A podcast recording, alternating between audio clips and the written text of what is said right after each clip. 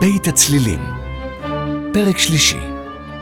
עידן וירדן הגיעו לביתו הגדול והעתיק של דודם ברטי, מנצח ידוע, כדי לבלות את חופשת הקיץ. מה שהיה צפוי להיות זמן מעיק ומשמים, מתחיל להתגלות כתחילתה של הרפתקה מסתורית ומרתקת, כשבחדר סודי ונעול בבית מתגלה אורח יוצא דופן.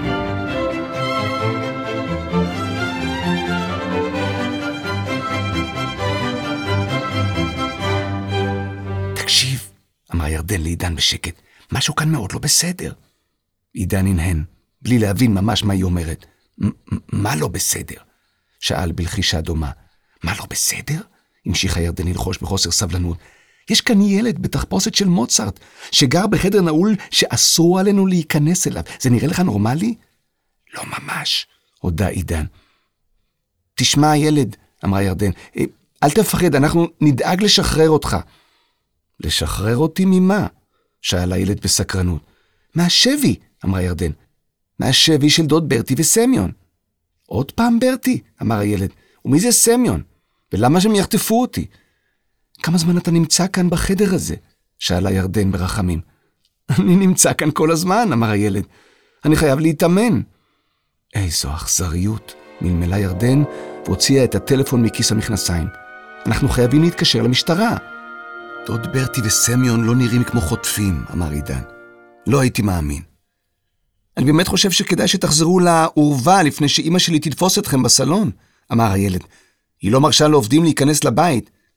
אוף, אין לי קליטה, אמרה ירדן כשהיא מביטה במכשיר שבידה. רד מהר, אני אשאר איתו פה, ואתה תתקשר למשטרה ותחכה למטה. עידן הסתובב ופתח את הדלת. נו, זרזה אותו ירדן, למה אתה מחכה? Hmm, אמר עידן, יש כאן איזו בעיה. ירדן הסתובבה אליו בחוסר סבלנות. מה? אמרה ונותרה בפה פעור, כשמבעד לדלת ראתה לא את המסדרון המוכר ממנו הגיעו אליו, אלא חדר נוסף, שדמה לחדר בו עמדו. עידן וירדן הציצו לתוך החדר הסמוך, ואז פסעו לתוכו בזהירות. אני לא מבינה מה קורה כאן, אמרה ירדן. איפה אנחנו? אתם בחדר התפירה של אמא, אמר הילד שהציץ בסקרנות מעבר לכתפם. מה חשבתם שתמצאו כאן? אין כאן שום דבר לגנוב, אנחנו לא עשירים, אנחנו משפחה של מוזיקאים. אתה מהמשפחה שלנו? אמרה ירדן שהיא מנסה למצוא היגיון במצב הבלתי מתקבל על הדעת שבו הם מצאו את עצמם.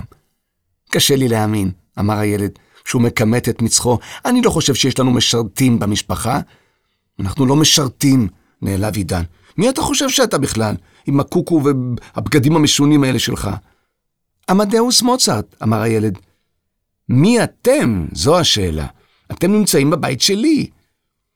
אני לא רואה איך נציל אותו אם אנחנו לא יכולים לצאת מפה בעצמנו, אמר עידן. בואי, ירדן, נמצא את הדרך החוצה מכאן.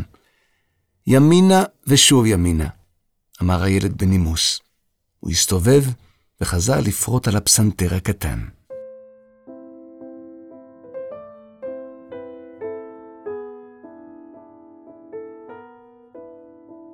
ירדן עמדה לרגע, ומחשבה משונה עלתה בראשה. היא פנתה שוב אל הילד המנגן. אתה יכול לומר לי איזו שנה זו? שאלה בקול רועד. 1766, אמר מוצרט. ואם לא אכפת לך, אני ממש חייב לסיים את הסונטה הזאת לפסנתר, אחרת אבא שלי יכעס מאוד. אמרתי לכם שיש לנו הופעה אצל הנסיך הערב. עידן וירדן יצאו מהחדר לכיוון חדר התפירה. אני לא מבין מה קורה פה, אמר עידן. למה אין כאן מסדרון ואיפה החדרים שלנו? אולי יש שם עוד דלת בחדר? תביט מהחלון, אמרה ירדן בקול מתוח. עידן הציץ מהחלון וקפץ לאחור בהפתעה. יש שם רחוב, אמר, וכרכרות עם סוסים, וזה אמצע היום. מה קורה כאן? איפה אנחנו? עידן, אמרה ירדן, אני חושבת שאנחנו ב-1766. ואתה יודע מה? אני חושבת שהילד הזה הוא באמת מוצרט. הילדים התבוננו סביבם בחשש. איך נצא מכאן? שאל עידן. בוא ננסה שוב להיכנס לחדר השני, לסגור את הדלת ולפתוח אותה, אמרה ירדן. אולי נחזור הביתה. הם נכנסו לסלון, פתחו וסגרו את הדלת שלוש פעמים, אך היא המשיכה להיפתח לא למסדרון ביתו של דוד ברטי, אלא לחדר התפירה של גברת מוצרט. זה חייב להפסיק, אמר מוצרט בייאוש, אני לא רוצה לקרוא להורים שלי, אבל אם לא תלכו מכאן לא תהיה לי ברירה. אתה חייב לעזור לנו, אמרה ירדן. אני אתן לכם קצת לחם וגבינה, אמר מוצרט, אבל אז אתם באמת חייבים ללכת. הגענו לכאן בטעות, אמרה ירדן. אנחנו לא מכאן. את זה אני יודע, אמר מוצרט. לא, אמרה ירדן. אנחנו בכלל לא מ-1766, אנחנו מ-2021. אנחנו לא משרתים, אנחנו ילדים מהעתיד. בגלל זה אנחנו לבושים בבגדים שונים משלך, תראה. היא הושיטה לו את הטלפון שעוד החזיקה בידה. זה מכשיר טלפון. אין לכם משהו כזה עדיין. מוצרט הביט במכשיר שהושיטה אליו. הוא שלח את ידו, לקח אותו, והפך אותו מצד לצד בפליאה. זה באמת משונה, אמר. איפה מצאתם את זה? קנינו את זה, אמרה ירדן. לכולם יש כזה. זה מהעתיד. אתם לא חושבים באמת שאאמין לכם שאתם מהעתיד רק בגלל שיש לכם צעצוע מפח שבטח גנבתם ממישהו, אמר מוצרט. ירדן לחצה על כפתור, ומוזיקה החלה מתנגנת בחדר.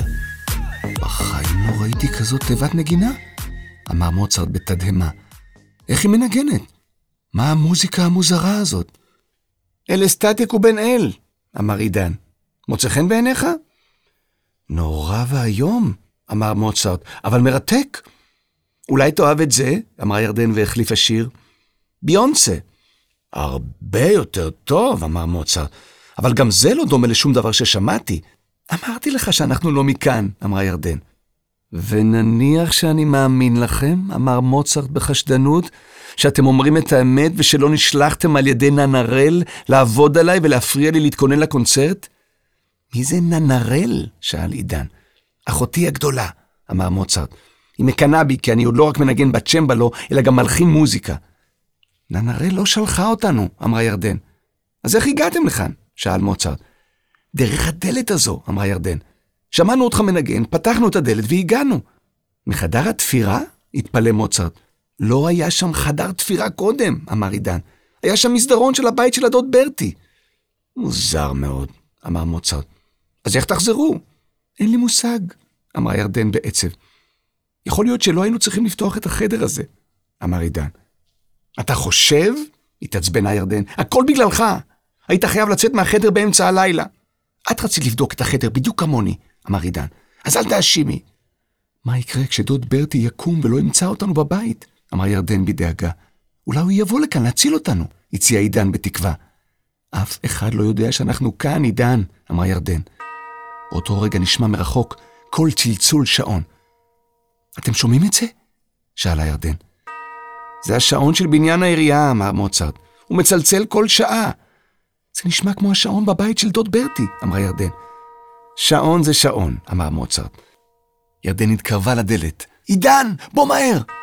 היא פתחה את הדלת לרווחה וראתה את המסדרון המוכר. עידן רץ דרך הדלת לתוך הבית של דוד ברטי. ירדן התעכבה לרגע. אני צריכה את הטלפון, אמרה למוצרט. הוא הושיט לה את המכשיר בתדהמה. אתם תחזרו? שאל. אולי, קראה ירדן וזינקה מבעד לדלת שנטרקה מאחוריה. הילדים עמדו מתנשמים במסדרון. ירדן לחצה על הידית ופתחה את הדלת שוב.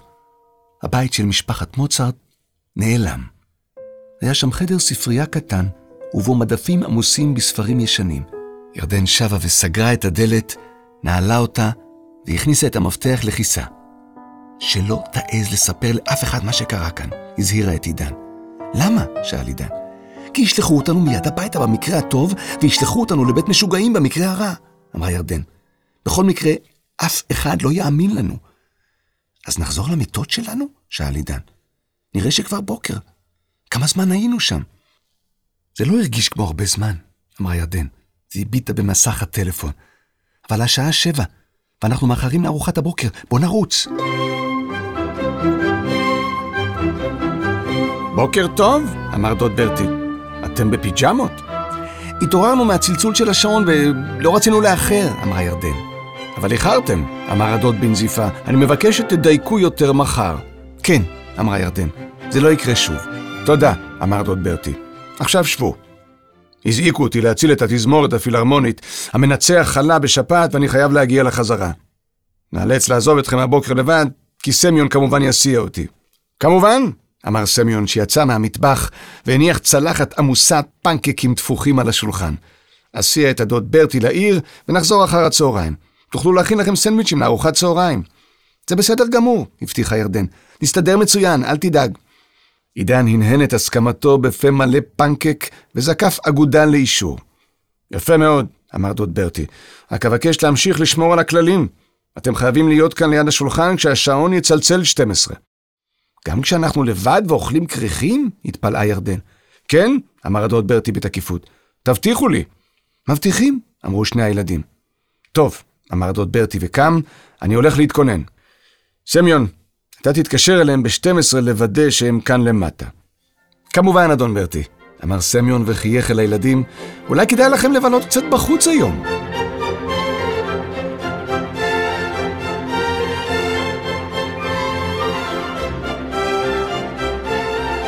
הגינה הזאת ענקית, אמר עידן בהתפעלות. גינה כיפית, אמרה ירדן. נחמד שהיא קצת מבולגנת. תראה, היא הצביעה לכיוון פסל של נערה שהחזיקה כד, מתוכו נשפכו מים לתוך בריכה קטנה. איזו מזרקה חמודה, ויש לידה ספסל, ממש מתחשק לי להביא לכאן ספר ולקרוא. לי ממש מתחשק לישון, פיהק עידן. לא פלא, אמרה ירדן, בכלל לא ישנו בלילה.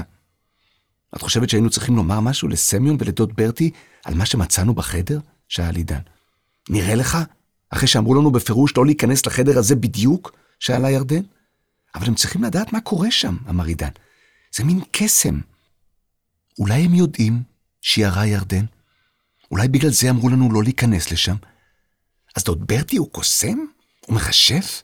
שאל עידן שהוא נשמע יותר מתעניין מאשר חושש. אולי? אמרה ירדן בספקנות. הוא נראה קצת רציני מדי בשביל להיות קוסם. אז אולי סמיון הוא הקוסם? שיער עידן.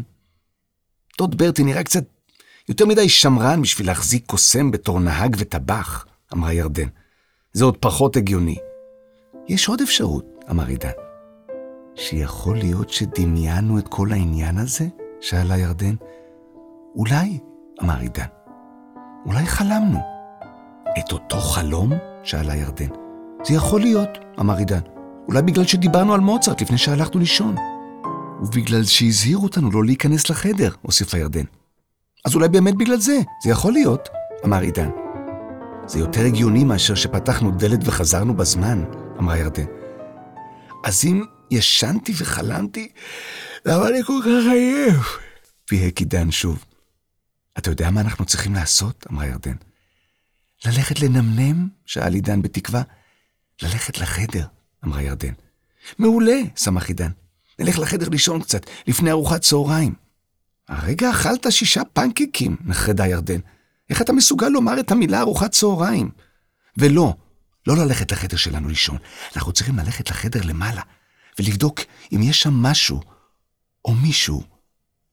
זה זמן טוב, הודה עידן, שסמיון ודוד ברטי לא נמצאים. השניים מיהרו במעלה המדרגות ועמדו מול הדלת הנעולה. עידן הוציא מכיסו את המפתח וסובב אותו במנעול. הדלת נפתחה. הפעם ללא חריקה, והילדים נכנסו לחדר מעט חשוך, שהיה מואר באור נרות. טריקת הדלת מאחוריהם הקפיצה אותה מעט, אך היא לא הטרידה כלל את הגבר שישב בגבו אליהם, ליד פסנתר משונה. שערו היה מגודל ופרוע, והוא זמזם נעימה שנשמעה מוכרת. זה לא היה חלום, לחשה ירדן. הגענו לכאן שוב. זה ממש מוזר, אמר עידן. את חושבת שזה אבא של מוצרט? אולי נחזור? לא כל כך מתחשק לי להסביר לו מה אנחנו עושים כאן.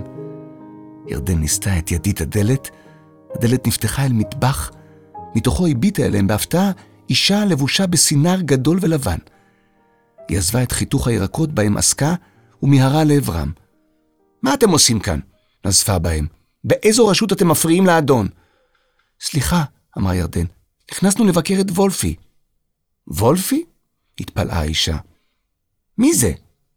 זה הבן של האיש שמנגן על הפסנתר בסלון, אמרה ירדן. מה? האישה נראתה המומה. אבל למר בטהובן אין בכלל ילדים. הילדים פגשו היום מלחין נוסף, את בטהובן. האם זה מקרי? האם יש קשר בין מוצרט לבטהובן? כנסו לאתר הפילהרמונית לתוכנית מפתח בעמוד חינוך וקהילה ותמצאו את התשובה.